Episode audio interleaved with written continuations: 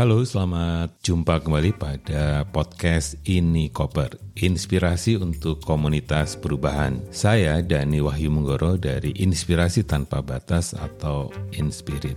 Kali ini saya ingin berbagi tentang organisasi. Bagaimana kita melihat sebuah organisasi? Selama ini kita melihat organisasi sebagai sebuah mesin. Bagaimana kalau kita melihat organisasi sebagai living system atau organisasi yang kita lihat sebagai adaptive sistem. Bagaimana itu?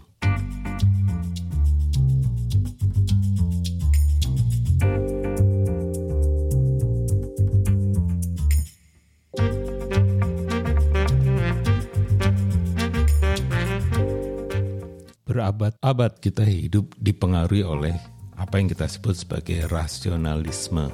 Kita bisa tahu apa saja dan kemudian ingin mengontrolnya.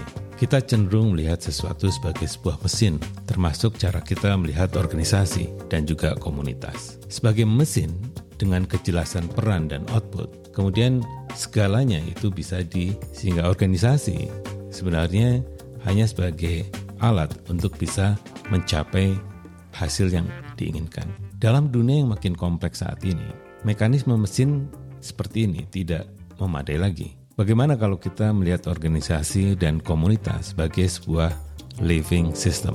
Jadi kita belajar dari biologi atau ekologi dan alam di sekitar kita.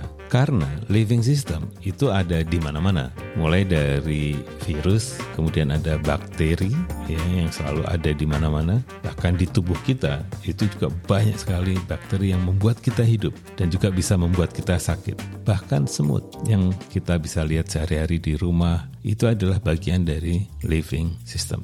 Jadi ada dua hal penting di dalam living system. Yang pertama, living system atau alam. Alam memiliki kemampuan mengatur dirinya sendiri. Tidak memerlukan seseorang khusus yang mengatur organisasi atau komunitas, melainkan semua hal bagian dari sistem itu, termasuk orang, terlibat dan juga memiliki peran masing-masing sesuai dengan tujuannya masing-masing. Yang kedua, alam itu punya kecenderungan sebagai self organization atau mengatur dirinya sendiri secara mandiri.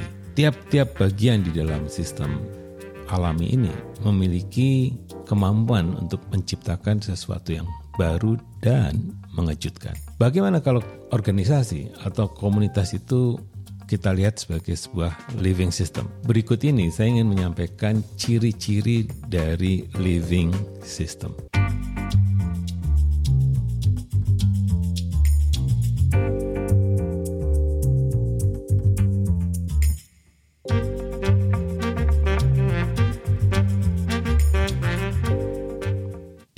Pertama, sebuah living system itu cerdas untuk menemukan solusi problemnya secara sendiri, mandiri di lingkungannya. Jadi dengan cara ini, kita kalau ingin mengintervensi sebuah sistem, hanya bisa mendukung supaya terlibat di dalam proses kreasi, menemukan solusi-solusi kreatif yang dihasilkan oleh sebuah sistem. Yang kedua, living system hanya memberikan perhatian pada hal-hal yang bermakna. Jadi, jika ada hal-hal yang sifatnya hanya main-main atau hanya ala kadarnya, sistem sebenarnya tidak menyukainya. Living system yang ketiga, senantiasa terlibat di dalam perkembangan lingkungannya.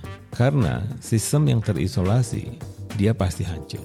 Jadi kita terlibat di dalam membangun sistem di lingkungan kita mulai dari rumah, dari masyarakat, dari organisasi sampai sebuah bangsa. Nah, yang keempat, alam dan semuanya termasuk juga kita sebagai manusia senantiasa itu berubah yang menarik tanpa change management. Jadi kita semua selalu berubah masing-masing. Jadi tidak ada yang statik. Nah, yang kelima, alam selalu mencari apa yang kita sebut sebagai diversity atau keberagaman. Karenanya, relasi-relasi baru selalu membuka kemungkinan untuk menciptakan hal-hal yang baru. Bukan saling berkompetisi, melainkan semua hal keren ini ada pada tempatnya. Yang menarik adalah semakin beragam spesiesnya, maka sistem itu semakin mampu bertahan dan tangguh. Karena di dalam organisasi dan juga di dalam gerakan sosial. Kalau semakin beragam yang terlibat, maka akan semakin mampu melakukan perubahan. Nah, yang keenam, alam cenderung ya, menemukan solusi terbaiknya. Jadi alam sebenarnya tidak cenderung menemukan solusi terbaiknya, melainkan alam cenderung mencari solusi-solusi yang bisa dilakukan workable.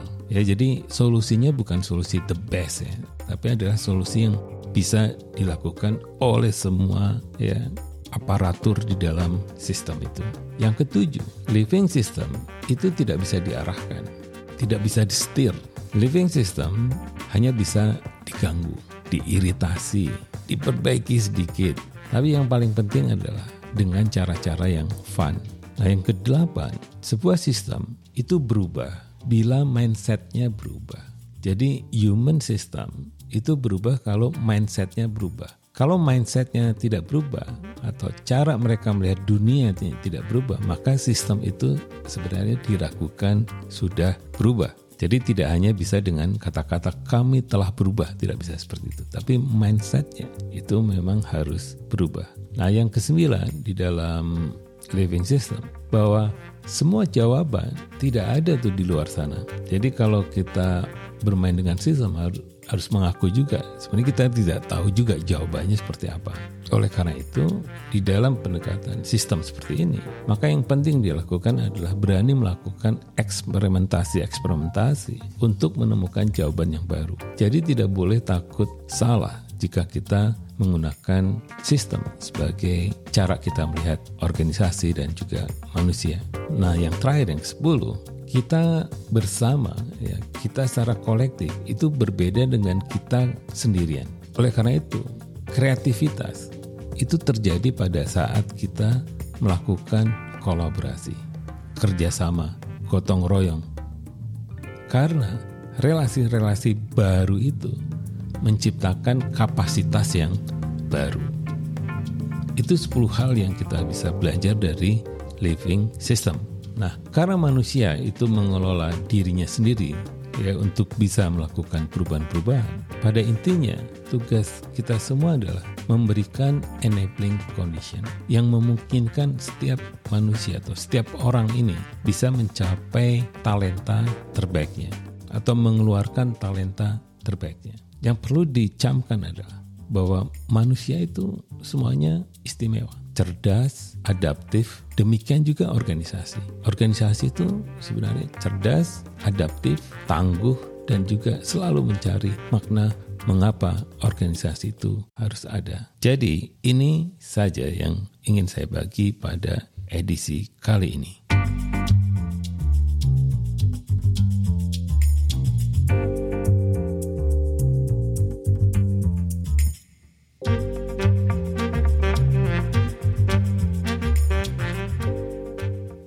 Demikian tadi materi atau berbagi pengetahuan dari Ini Koper, inspirasi untuk komunitas perubahan. Kami di Ini Koper percaya bahwa berbagi apa pun, sekecil apa pun, akan selalu bermanfaat bagi komunitas perubahan. Sampai jumpa pada edisi berikutnya.